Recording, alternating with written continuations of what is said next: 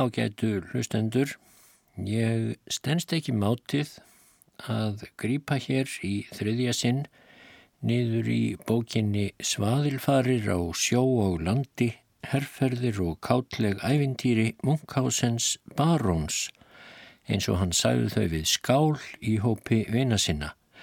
Þessa bók skrifaði Gottfríd Ágúst Burger á ofanverðri átjándu öld og sór og sartviðlagði að hann hefði skrifað þær korréttar eftir frásögnum Munkhásens baróns sjálfs. En sá lega laupur og íkjusagna höfundur var til í raun og veru eins og flestir vita.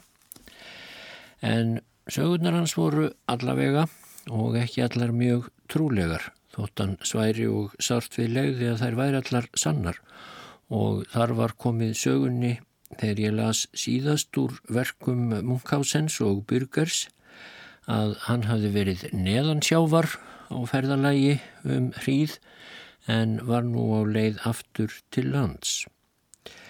Þegar ég nálgæðist strendur Hollands, skrifar Munkhásen, og sjórin yfir höfðu mér var ekki nema tæplega 20 faðmadjúpur þá sá ég ekki betur en mannleg vera í kvennklæðum lægi fyrir framann mig á sandinum. Ég þóttist greina nokkurt lífsmark með henni og þegar ég kom nær sá ég reyndar að hún hreyfði höndina. Ég greip þessa manneski og bar hana eins og liðið lík til lands. Um þessar myndir voru menn ekki komnir eins langt í þeirri list að vekja lifendur frá döðum eins og menn eru nú þegar hver krá á sínar leiðbeiningar um það hvernig kalla skuli druknaða menn úr ríki skuggana. En engað síður hefnaðist livsala staðarins, vitrum og þrautsegum manni að glæða þann daufa lífsnista sem hann fann tóra í þessari konu. Hún reyndist vera lífsförunautur manns sem stýrði skipi frá helvetslýs og hafði lagt úr höfn skömmu áður. Í flítinum hafði hann til allarar óhamingju tekið aðra konu með sér um borð.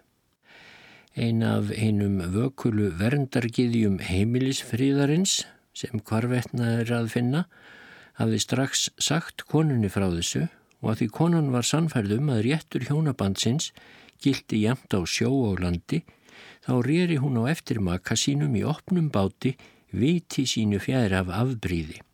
Jafnskjóttu hún var komin upp á efri þiljur skipsins, ávarpaði hún mann sinn óþýðanlegum orðum og reyndi síðan að sanna honum fór réttindi sín sem eiginkona á svo ótvíræðan hátt að tryggða vininum fannst ráðlegast að hörfa nokkur skref. Hinn dapurlega afleiðing varð svo að konan löst kreftum hnefa sem miðað var á eira einmannsins ofan í öldurnar og þar eð þær voru enn eftirgefanlegri en maður hennar, þá fann hún fyrst þá mótspyrnu sem hún leitaði alla leið niður á hafsbotni. Og þar létt óhylla stjarnar mín, fundum okkar bera saman, svo að jörðin endur heimti ein hamingjusum hjón í viðbót. Ég get nú hugsað mér kvílíkar blessunar óskir maður hennar hefur sendt mér í huganum þegar hann kom aftur heim og sá hvar ástúðleg eiginkonan beigðans bráðlífandi vegna minna aðgerða. En hversu yllan grikk sem ég kann að hafa gert mann tetrinu með því að bjarga lífi eiginkonu hans, þá var hjarta mitt alsaklaust. Ástæðan fyrir breytni minni var hreitn og tær mannkærleikur. Enda þótt ég fái því ekki neitað að afleiðingarnar hljóti að hafa verið hræðilegar. Skömmu eftir þetta fór ég frá Gíbraltar og snýri aftur til Englands. Þar gerðist einn undarlegasti atbyrður í lífi mínu. Ég þurfti að fara til Vopping til að láta skipa út ímsum vörum sem ég ætlaði að senda vinnum mínum í Hamburg og þegar því var lokið þá snýri ég heimleiðis. Leið mín lág yfir kastalhæðina kvarf þegar sól var í hátegi-stað gerðist mér þá svo heitt þarna í solskininu að ég skreið inn í einn fallbissukjaftin til að kvílast í skugga um stund. Ekki var ég fyrir lagstur niður en ég fjall í höfgan svefn. Þann dag var einmitt eh, fjórði júni, afmælistagur þáverandi konungs og klukkan eitt var skotið af allum fallbissum til að minnast dagsins. Menn hafðu hlaðið þær um morgunin og þar eða enginn gatt haft hugbóðum um mig þarna var mér skotið ofar húsaþökkum hínum einn árinnar á leigujörð sem liggur á milli Bermondsey og Detford. Þar fjall ég niður á stóran heistak en raknaði ekki úr rótinu sem heldur var ekki von. Næstum þremur mánuðum setna var heið orðið svo afskaplega dýrt að leiguliðin taldi sér mikinn hagi að selja heifengsinn. Heistakkurinn sem ég hafði þá sofið á í þrjá mánuði var sá stæsti á bænum og ekki undir 500 hestburðum, þess vegna var byrjað á honum. Ég rökk upp af svefninum við háreisti fólksins sem hafi reist stiga sína upp við heistakkin og gerði sér líklegt til að klifra upp á hann. Ég var með stýrurnar í augunum og hafði ekki hugmyndum hvar ég var en vildi komast undan og stökk því ofan á eiganda heisins. Sjálfum mér gerði fallið ekki hið minsta megin en öðru máli gengdi um leigulegan. Hann láð döður eftir því ég hafði óvart hálsbrotiðan.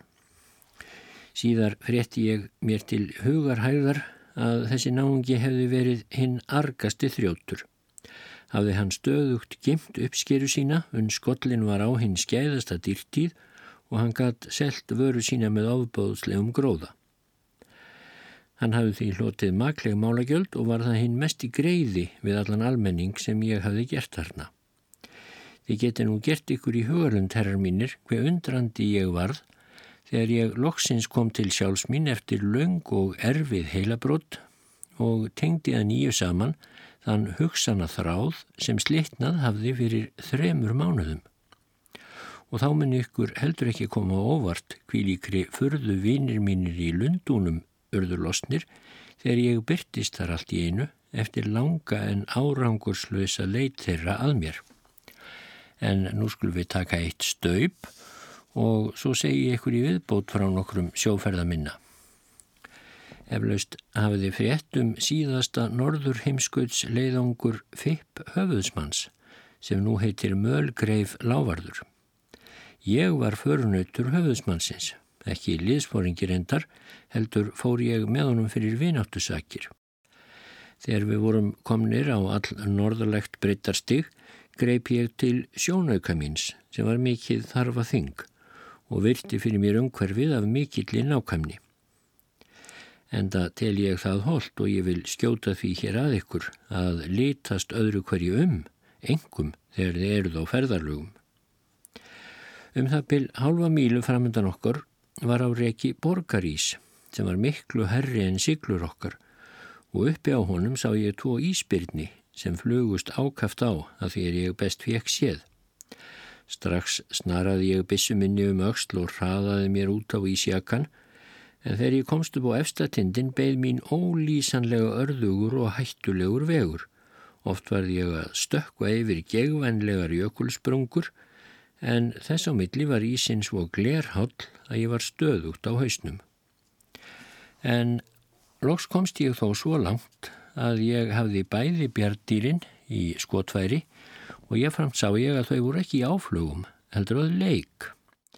Ég fór strax að rekna út verðið á skinnunum á þeim því að kortera var ekki minna en eldisugsi en þegar ég lifti bissinu upp að vanganum skríkaði mér fótur svo ég fjall á nakkan Svo hart var höfuðhöggið að ég lá í halva stund meðvitundar laus þarna á ísnum. Hugsið ykkur undrun mín að ég ránkaði úr rótinu og var þess var að önnur ófreskjan hafði byllt mér á grúfu og læsti nú hramminum í ísetuna á leðurböksum mínum. Ég lá með bólinn undir kviði bjarnarins en fæturnir stóðu beint fram. Guð má vita hvert óarkadýrið hefði dreyið mig hefði ég ekki náði í vasanhífin minn þennan sem þið sjáuð hérna og brúðið honum á vinstri afturram dýrsins og skellt af því þrjár tær. Þá slefti dýrið mér strax og öskraði ofbóðslega. Ég þreif bissu mína og hlammaði skoti á bersa þar sem hann ætti burt og neygan samstundis niður. Skot mitt hafði að vísu að eilífu svæft eitt hinn að blóðþyrstu dýra en vakið í staðin upp þúsundir annara þar sem þau lágu sofandi umhverfis á ísnum í halvrar mílu fjarlöð. Öll stukkun og bjardýrin upp og steðjuðu rakleitt að mér. Nú var hvert augnablík dýrt. Það var út um mig ef mér kem ekki gott ráð í hug, en það kom. Ég var halvu handfljótari en jafnvel þaulvanur veidimaður sem grýpur belgaf héra. Þegar ég dró bánsa innan úr feldi sínum, skreið sjálfur inn í belgin og tilti bjardýrs hausnum ofan á kollin á mér.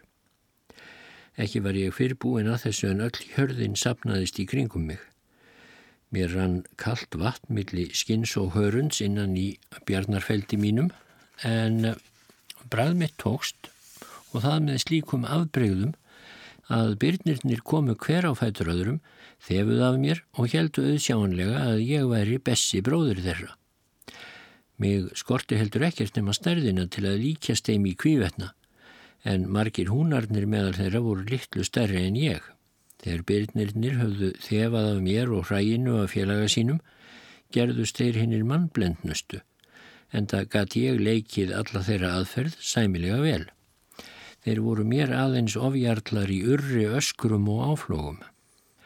En ég var eftir sem áður maður, þótt ég líktist svo mjög bjardýri við fyrstu sín, en það tók ég nú að hugsa ráð mitt hvernig ég geti best hagnýtt mér það trúnaður tröst sem þessar skeppnur báru nú til mín. Áður fyrr hafði gamal herrlæknir einu sinni sagt mér að mænustunga dræpi samstundis. Ég ákvaði nú að gera nýja tilraun. Ég greip nývin minn öðru sinni og kyrði hann niður í nakkan á stæsta bjattýrinu. Það sjálfsögðu var þetta mjög háskalegt tiltæki en það var ég geysi hrættur því dýrið hefði tætt mig sundur ef það hefði lifað af stunguna. En tilraun mín hefnaðist ágætlega, bángsinn negin niður við fætur mér án þess að æmta eða skremta. Nú ákvaði ég að gera útafið alla hína á sama hátt og það rendist mér heldur ekki örðugt því byrnina grunaði ekkert þóttir sæju bræður sína nýgað velli til hægri sem vinstri. Þeir skildu korki orsökn í afleiðingu fallsins og það var sannarlega hefni fyrir þá og mig. En þegar ég sá þá alla líkja dauða fyrir augum mér þóttist ég vera jafnokki hins sterka samsónar þegar hann hafði felt þúsund óvina hermun. Er skemst frá því að segja að ég held nú aftur til skips og baðum nokkur hluta áhafnarinnar mér til hjálpar við að taka skinnin af dýrunum, skella lærin af skrokkunum og bera þau til skips. Við lukum þessu verki á nokkrum klukkustundum og hafðum þá fengið full fermi á skipið. Öllu hínu bjartýra kjötunum var varpað í sjóin þó ég sé ekki neinum vafa um að það hefði reynst jafn góður matur og lærin ef það hefði verið saltað vel nýður. Eftir þennan leiðungur sendi ég í nafni höfuðsmanns nokkur bjattirslæri til lávarðana í sjóráðinu, önnur lávarðum fjármálaráðunittisins, önnur borgarstjóra og bæjarstjórn Lundúna, en önnur ímsum verslunarfélögum og afgangin sendi ég góðum vinum mínum. Úr öllum áttum streymdi brátt að mér þakklætið. En Lundunaborg svaraði göfminni mjög eftirminnilega því hún gerði mér það kostabóð að borða í ráðhúsinu ár hvert á kjördegi borgarstjórans. Bjarnarfeldina sendi ég keisaradrottningu Rúslands í loðfeldi handa hennar hátign og allri hýrðinni. Keisarennian þakkaði mér gjöfina í eiginhandarbrefi sem hún létt sérstakann sendi herra færa mér og bauð mér þá miklu semt að deila með sér kvílu og korónu. En ég afþakkaði náð hennar hátegnar af mikillig kurteysi af því ég hef aldrei sóst verulega eftir keisarategn. Sami sendi herra og afhendi mér hegi keisarlega bref hafði skipunum að býða svarsmýns og færa hennar hátign það persónulega. Annað bref sem ég fekk skömmu setna frá keisaradrottningunni sannfærði mig hins vegar um ástríðu þunga hennar í minngarð og sömuleiðis andans gafiki hennar.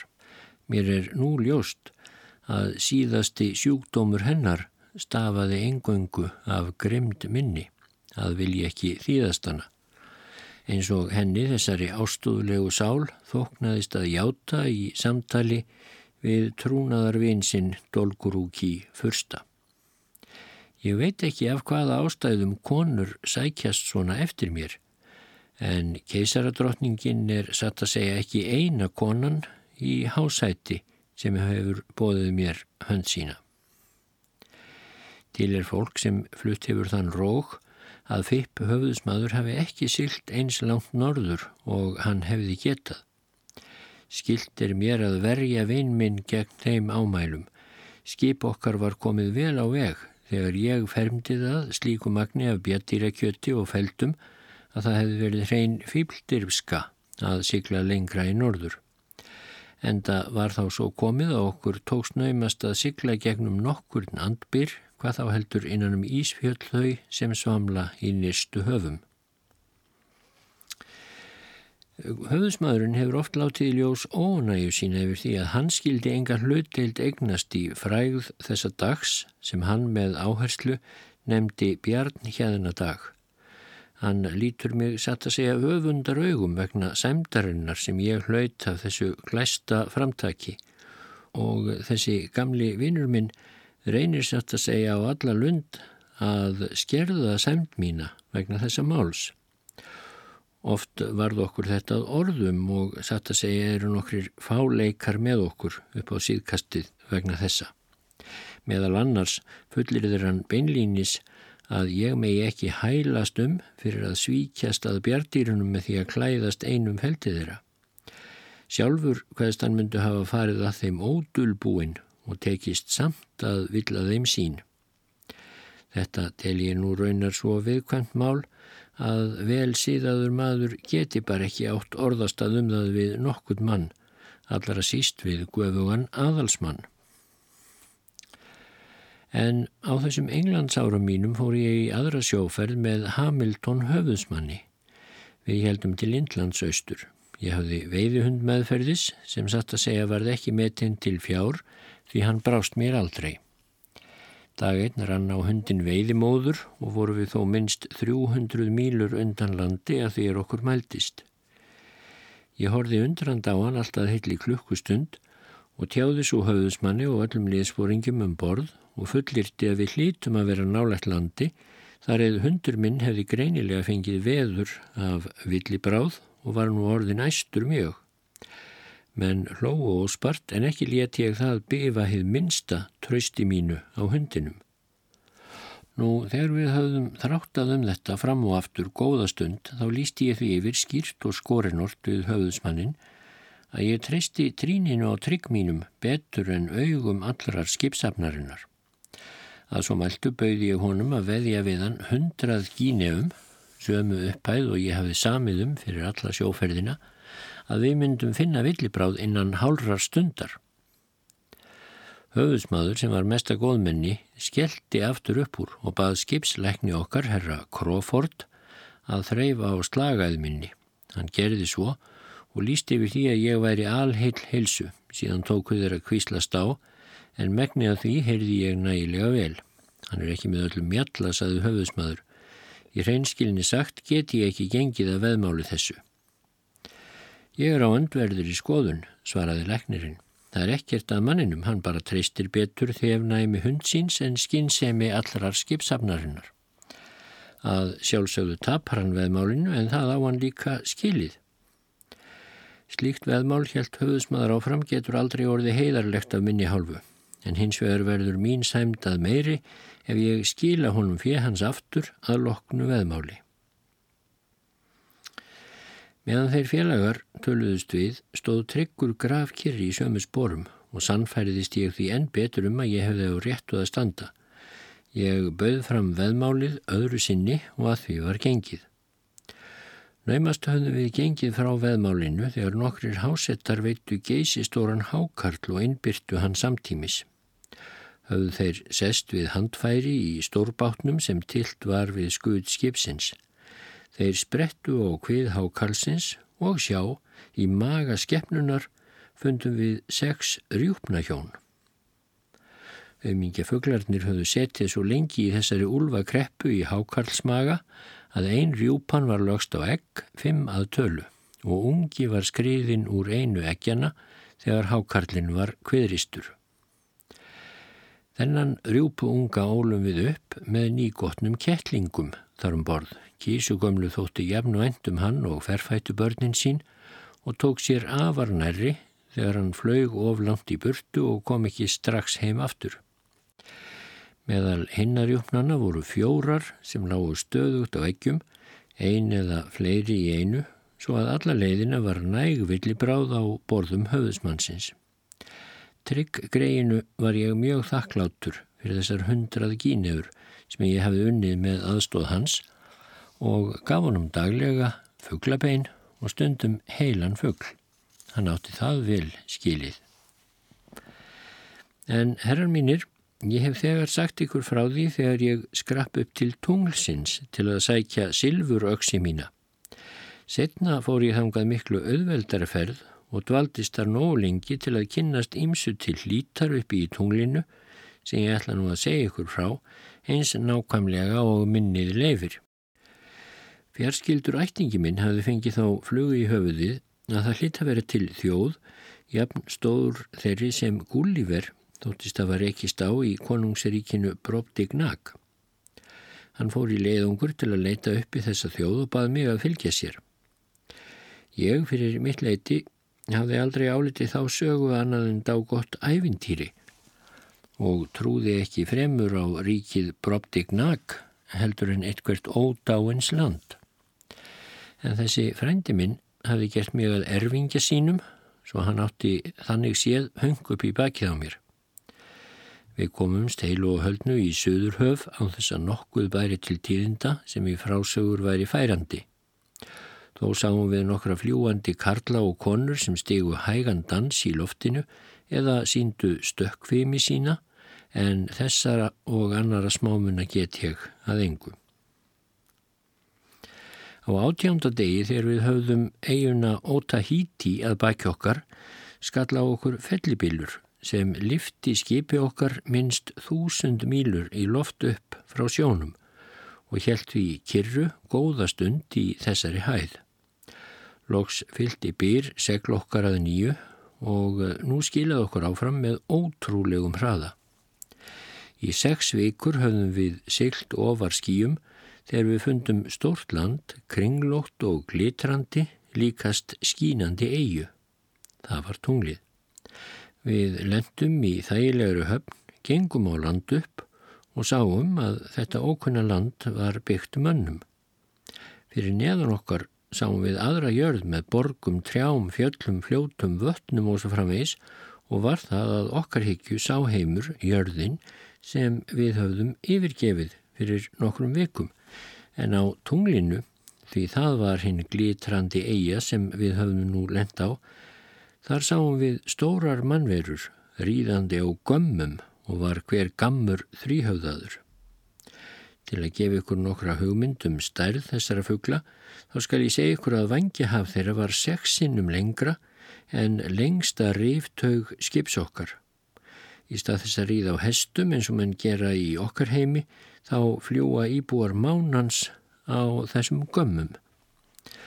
Konungurinn á tunglinu reyndist eiga í styrjöld við sólbúa um þessar myndir. Hann bauð mér undir eins liðsfóringjastöðu þegar hann frétti að ég hefði reynslu af hernaði en ég baðst undan hverri þeirri sæmt sem hans hátegn vildi veita mér. Allt er óvenjulega stórt í þessari veröld mánans, til dæmis er venjulegar flugur litlu minni en söðkindur Bestu vopn sem tunglbúar nota í styrjöld eru hreðkur og eru þær notaðar sem kastspjót og búa þeim bráðan bana sem fyrir verður. Skildir þeirra eru sveppir og þegar uppskerutími hreðkanna er hjá liðin þá koma spergilstönglar í þeirra stað. Þarna sá ég líka nokkra af innfættum hundastjörnubúum sem aðtapna þráin leiðir á þess áttar flakk að þeir voru komnir til tunglsins. Þeir hafa ásjónu mikla eins og hundategund svo sem bólabítar nefnist. Augun eru sitt hvorum eigin á nefinu framann verðu. Þeir hafa engin augnalokk, heldur bregða þeir tungunni yfir augun þegar þeir fara að sofa. Venjulega eru hundastjörnubúar 20 fett á hæð en engin tunglbú er þó undir 36 fettum. Þeir síðar nefndu ganga undir nafni sem er daldið enginlegt. Þeir eru ekki kallaðir menn, heldur sjóðarar af því að þeir sjóða matsinn við eld eins og við. Annars taka máltíðir þeirra mjög skamman tíma því þeir opna aðeins vinstri síðuna og stinga matarskamtinum í heilu lægi inn í magan, svo lokaðir opinu, uns sami dagur rennur upp að mánuði liðnum. Þess vegna neytaðir ekki nema tólf máltíða á ári og er það tilhugun sem allir hljóta að taka langt fram yfir okkar hætti nema þá þeir sem eru einstakir matgokkar og munaðar segir. Unaður ástarinnar þekkist ekki á tunglinu því bæði með sjóðurum og öllum öðrum dýrum er aðeins til eitt kyn. Allt vex á trjám en þau eru aftur mjög frábröðin okkar trjám hvað snertir ávexti, stærð og bladlögun.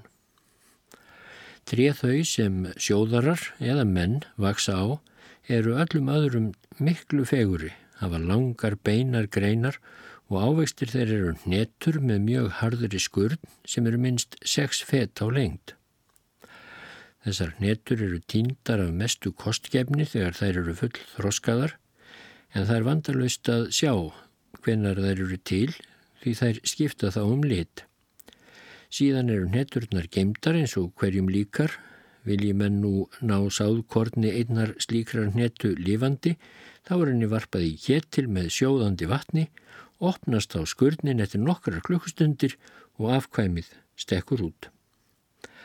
Áður en þessar verur koma í heiminn hefur náttúran mótað anda þeirra í ákveðina átt.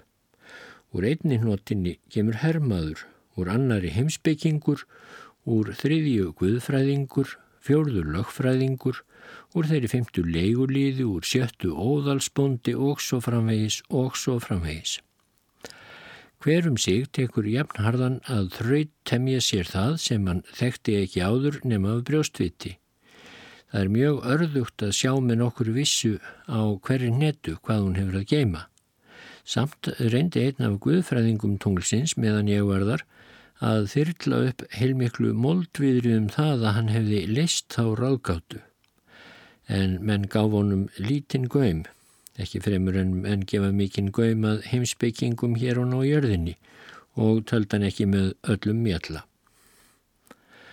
Tunglbúarnir deyja ekki þegar þeir eldast, heldur leysast þeir sundur í loft og hverfaðalokum eins og reykur. Ekki þurfa þeir að neyta drikja, því þeir þekkja engar tæmingar líkamanns og sér andardrátturinn fyrir öllu slíku. Á korri hendi hafa þeir eins einn fingur og gera allt eins vel með honum og við sem höfum fjóra fingur auk þumalfingurs.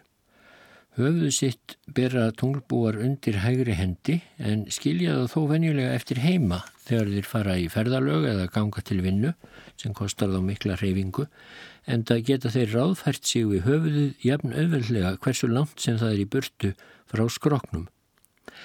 Einnig er það svo að heldri menn tunglsins er ekki vanir að fara sjálfur á stúfana þegar þá langar að njóstna eitthvað um hægi alþýðunar. Þeir siti einfallega heima, þar að segja líkaminn er kýr heima, en höfuðið er sendt út af örkinni og getur það þá ferðast á laun hvert sem er og snúið aftur til húsbóndasins með þær upplýsingar sem þeim þykir best henda á hverjum tíma. Vinnberja kjarnarnir á tunglinu eru nákvæmlega eins og haglkorn okkar og ég er alveg sannfærður um það að þeir falla sem hagljél niður á jörðina þegar stormar hrista vinnberin í tunglinu af stilkum sínum. Ég hegg líka að þetta hafi lengi verið á veitorði margra vínsala. Að minnstakosti hef ég oft bragðað vín sem virðist eins og bruggað úr haglkornum og bragðast eins og mánavín. En ég var næri búin að gleyma einu merkilegu atriði. Mánabúar nota kviðarhól sitt eins og við notum malpoka og stinga þangaðinn nöðsinjum því þeir geta opnaði og lokað eins og magasínum þegar hendar. En það ónáða þá engir þarmar, lífur, hjarta eða önnur innibli og ekki eru þeim föttinn til tálmunar og þeir hafa heldur engan bligðunar stað á líkama sínum sem þeir þurfa að hilja. Augusín geta tunglbúar tekið út úr tóftunum og settu eftir á sinn stað eftir vild og sjá jafn vel með þeim þó þeir haldi á þeim í lofa sér.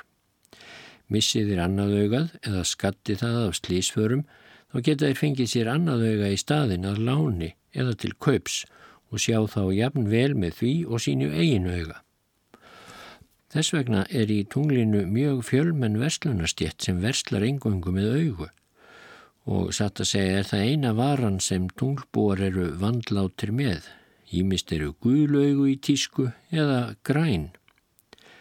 Ég játa fúslega að þessi saga er dálítið ótrúleg en sé nokkur maður haldin hinnum minnsta vafa þá er honum heimilt að fara sjálfur til tunglsins og sannfæra sig um það að ég hef verið sannleikanum trúri en flestir ferðamenn þangað aðrir.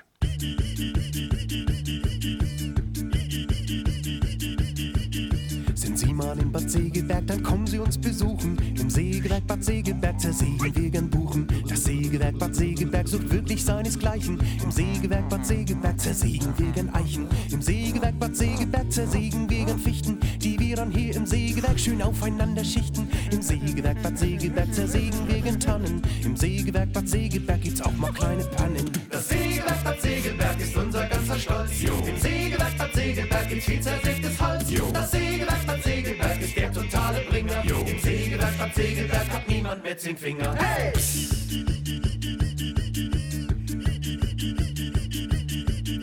Im Sägewerk Bad Segeberg zersägen wir Platanen. Das Sägewerk Bad Segeberg erbauten unsere Ahnen. Im Sägewerk Bad Segeberg zersägen wir gern Pinien und Pappelnuss und Kirschbaum, Esche, Birnbaum und Robinien. Im Sägewerk Bad Segeberg zersägen wir gern Birken, die erst zersägt im Sägewerk wie. Im Sägewerk Bad Segeberg zersägen wir gern Erlen. Das Sägewerk Bad Segeberg ist voll von echten Kerlen. Das Sägewerk Bad Segeberg ist unser ganzer Stolz. Jo. Im Sägewerk Bad Segeberg gibt's viel zersägtes Holz. Jo. Mit Holz aus unserem Sägewerk wird Ihr Kamin schön warm. Jo. Man sägt sich hier im Sägewerk auch gern mal in den Arm. Hey!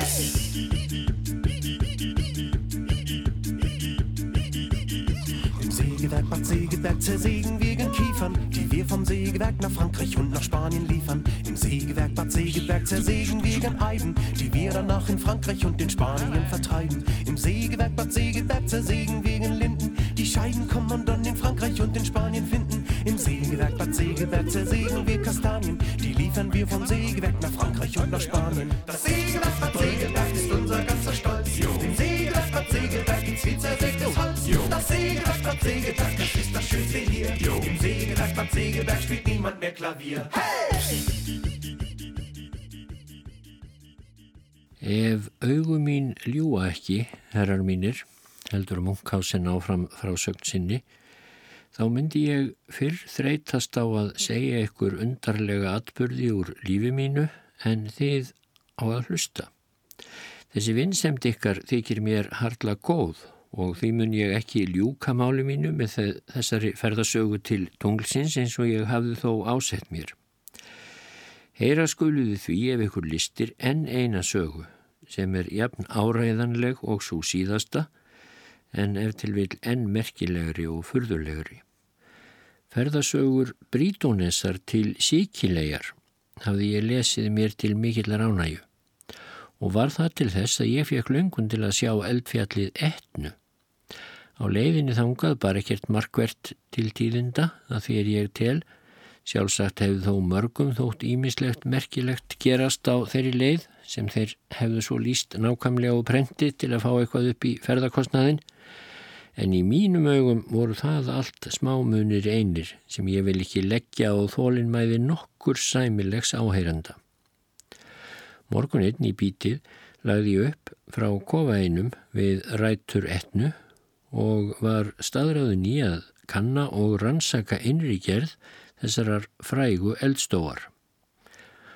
Jafnvel þótt að kynni eftir vill að kosta mig lífið. Ég komst upp á tind fjálsins eftir erfiða þryggja klukkustunda göngu. Það var í sínum versta ham og hafði reyndar verið í þrjár vikur. Gósi þess hefur verið líst svo oft að lýsing mín á sjálfu eldgósinu kemi áraðanlega af seint. Ef því er þið með orðum líst sem er í rauninni alls ekki hægt eins og mér er fullkonugt um. Þess vegna hyrði ég ekki um að eigða tímanum í jafn vonlausa tilraun svo ég komi ykkur ekki í vond skap. En ég gekk þrývegis umhverfi skíin sem þið getið hugsað ykkur eins og geysi mikla trekt og þegar ég sá að ég varði litlu fróðari þá tók ég í stuttumáli sagt á ákvörðun að steipa mér ofan í eldgíin. Ekki hafði ég fyrr framkvæmt þetta en ég var komin í ofbóðslega heitt svitabað og veslingskrokkurinn á mér kramdist allur og sviðnaði á óæðri stöðum sem æðri undan rauðglóandi eimirjunni sem þeittist í loft upp jamt og þétt. Þótt eimirjan spýttist upp af slíkum feiknakrafti þá var fallhungi líkama míns þó drjúgum meiri og eftir skammastund stóð ég á botni gíksins heilla á húfi. Það fyrsta sem ég skinjaði voru háreisti og undirgangur, ópóg formælingar sem ég þóttist heyra allt í kring. Ég leit upp og sjá, ég var stattur með eldfjalla guðinum og jötnum hans. Þessa herra hafði ég fyrir löngu talið eiga heima í ríki ósannindanna, en nú hafðu þeir rifist í þrjár vikur um það hverji skildu stjórna og hverji hlýða og af því stafaði allur þessi gauragangur ofanjarðar, þar að segja eldgósið en við komum mína fjall allt í sátt og samlindi. Eldfjallaguðin högti að skáp sínum og sótti plástra og smyrsl og batt eigin hendi um þau sár mín sem greru á nokkrum augnablikum. Einnig veittan mér góðan beina, bar mér eina flösku ódáinsvegar og önnur dýr vín sem guðir einir og giðjur neyta. Jafn skjótt og ég hafi fengið mér hressingu, kynnti hann mig fyrir Venusi, konu sinni, og skipaði henni að veita mér öll þau þægindi sem ég þyrti. Fegurð herbergi sinns sem Venus leti mig inn í, unaður kvílunnar sem hún setti mig á, og hinnir himnesku töfrar sem stöfuðu frá henni allri, og ástúð hins örláta hjarta. Allt þetta er hafið yfir tjáningu tungunar og tilhugsunin einn fær mér svima. Eldfjallaguðin lísti nú nákvæmlega fyrir mér fjallinu etnu. Hann sagði það að vera öskur húu eina sem kastað væri úr eldstósinni. Oft er því hann að refsa mönnum sínum og kastaðan þá að þeim í reyði sinni rauglóandi kólum sem þeir fyrir sitt leiti bæru oft af sér af mikill í feimi og þeittu kólunum í loft upp til að bæja frá sér allir í hættu. Sundurlindi okkar, helt eldfjallaguðin áfram máli sínu, stendur oft mánuðum saman og veldur þeim fyrirbreyðum á jörðinni sem þið döðlegir menn kallið gós að því er ég hef heyrt. Fjallið Vesúvíus er um, einnig eitt verkstæða minna og likur þangað vegur neðansjávar sem er að minnstakosti 350 mílur. En samskonar sundur þykja þar veldur einnig sömu deilum og hér undir etnu. Þótt mér líkaði fræðsla Guðsins vel þá fjallum mér samvistir við Venus eiginkonur hans en þá betur og sennilega hefði ég aldrei yfirgefið þessar neðanjarðar hallir. Ef málgefin og meinfísin skrafskjóða hefði ekki vakið tortrygni eldfjallagvöðsins og blásið í elda afbríði í mildu hjarta hans. Morgun einn, þegar ég bjóst til að aðstóða giðjuna við morgunsnýrtingu, þá greip eldfjallaguðin, eiginmaður hennar, mig fyrirvara laust, bar mig inn í herbergi sem ég hafði aldrei áður augum litið, held mér yfir djúpum brunni að því er mér virtist og mælti vannþakláti döðlegi maður, saðan. Snúð þú aftur í þann heim sem þú ert frá komin. Með þessum orðum let hann mig svo falla ofan í mitt hildýpið án þess að gefa mér augnabliks ráðrúm til að bera hönd fyrir höfuð mér, hvað þá hveði ég Venus. Ég fjell og fjell með ævaksandi hraða, uns óttin svifti mig ráði og rænu, en allt í einu rankaði ég úr yfirliðinu við það að ég var óvænt stattur í geysimiklum hafsjó sem glitraði í geyslum sólar. Allt frá æsku árum mínum hafði ég verið góður sundmaður og vanur öllum sund íþróttum. Þess vegna var ég hér strax í essinu mínu og þótti þetta reyni paradís hjá því víti sem ég var nýsloppin úr. Ég litaði stum en sá því miður ekki annað en vatn hvert sem litið var. Einnig var loftslægið mjög óþægilega frábröðu því sem verið hafði í stó eldfjallaguðsins. Lóks eigði ég eitthvað sem líktist heljarstórum klettahamri og virtist stefna á mig. Brátt kom í ljós að þetta var einn hinna fljótandi borgarísjaka.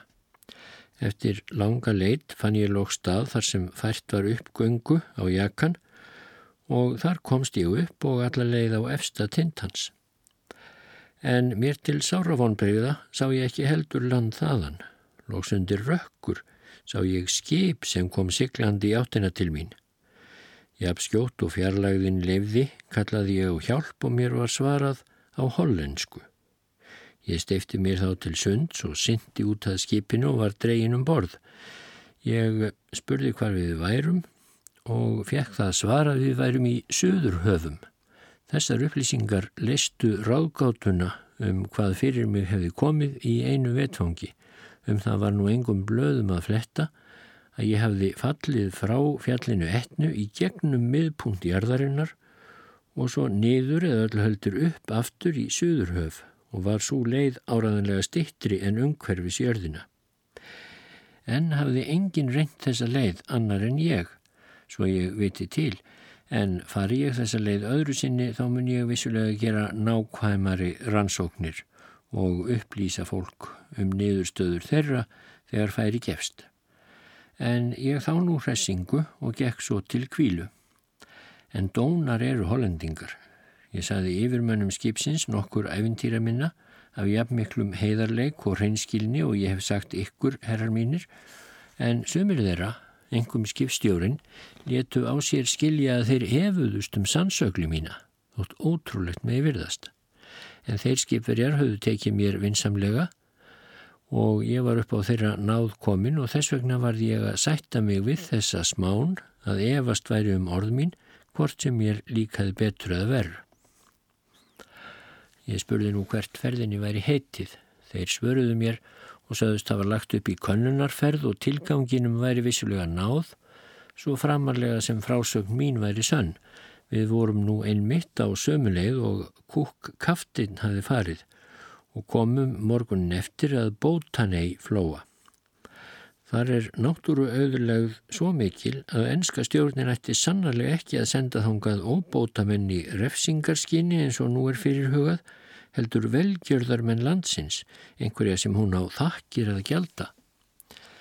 En þarna dvöldumst við aðeins þrjá daga á fjórða degi eftir brottfur okkar skall á afspyrnu rók sem tætti í sundur öll seglokkar á fáum klukkstundum, möllbröð bugspjótið og feldi toppsegluna sem reið ofan á hilkið utanum áttavitan okkar svo að kortveikja sundraðist í smátt.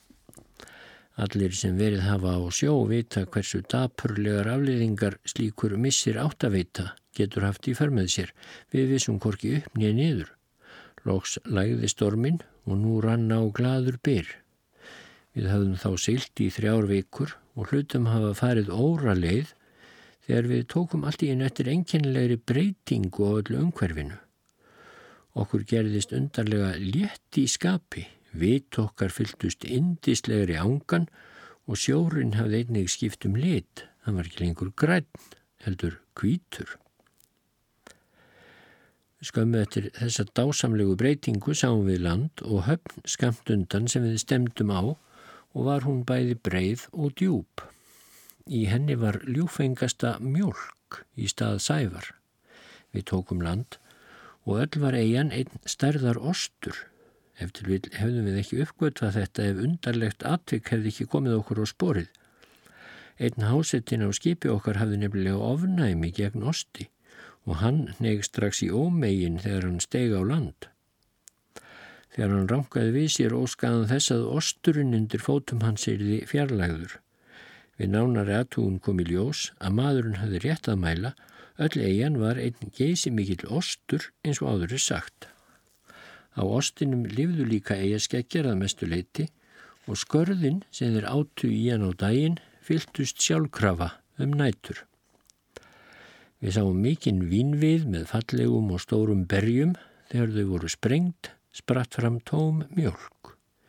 Íbúarnir voru fríðir sínum þarna og gengu uppréttir. Flestir voru þeir nýju fett á hæð, þrýfættir en ein arma og fullorðins árum ógs horn fram úr enni þeirra sem þeir beittu af mikilli fimi. Á mjölkurfletinum þreyttuðir kapplaup eða gengu þar um af enguminni virðuleik en við á sléttum velli. En fremur ógs á eigu þessari eða osti þessum, líkur mér við að segja, mikið korn sem bar öks í líkingu við ættisveppi og í þeim lágu fullbökuð brauð sem borðamátti þegar í stað. Á flakki okkar um ostennan, þveran og endilangan uppgötuðum við sjö mjölkurfljót og tvær vínár. Var þetta sannarlega gómsætt land. En eftir 16 daga ferð komum við að ströndinni sem líkur gengt þeirri sem við höfum lend á. Þar fundum við heilar breyður af hinnum eftirsóta gráðaosti sem sannar ostætur gera svo mikið veður út af. Ekki var hann kvikur, heldur auksu á honum ágætustu ávastatrið með ferskjum, apríkósum og óteljandi tegundum öðrum sem við þekktum alls ekki. Í trjám þessum sem voru geysi stór gata að líta hinn mest að sæg fugglarheyðra. Meðal annars tókum við sérstaklega eftir Ísfugglshreyðri sem var fimm sinnum starrað ummáli en þak kirkju heilags Péturs í Lundunum. Það var fléttað úr risavöksnum trjám og í því lágu að minnstakosti eh, býði við, ég vil hafa allt sem er nákvæmast, 500 egg hvert á stærfið uksahöfuð. Við bæði sáum ungana gegnum skurnið og heyrðum þá týsta. Með miklum erfiðismunum tókst okkur að opna eitt slíkt egg og kom þá út ófyðraður ungi sem var tölvert stærri en 20 vaksnir gammar.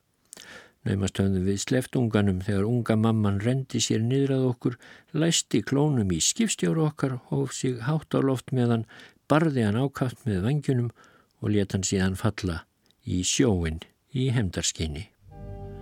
En hollendingar eru allir selsindir svo að skipstjórin komst von bráðar til okkar aftur og allir heldum við nú til skips.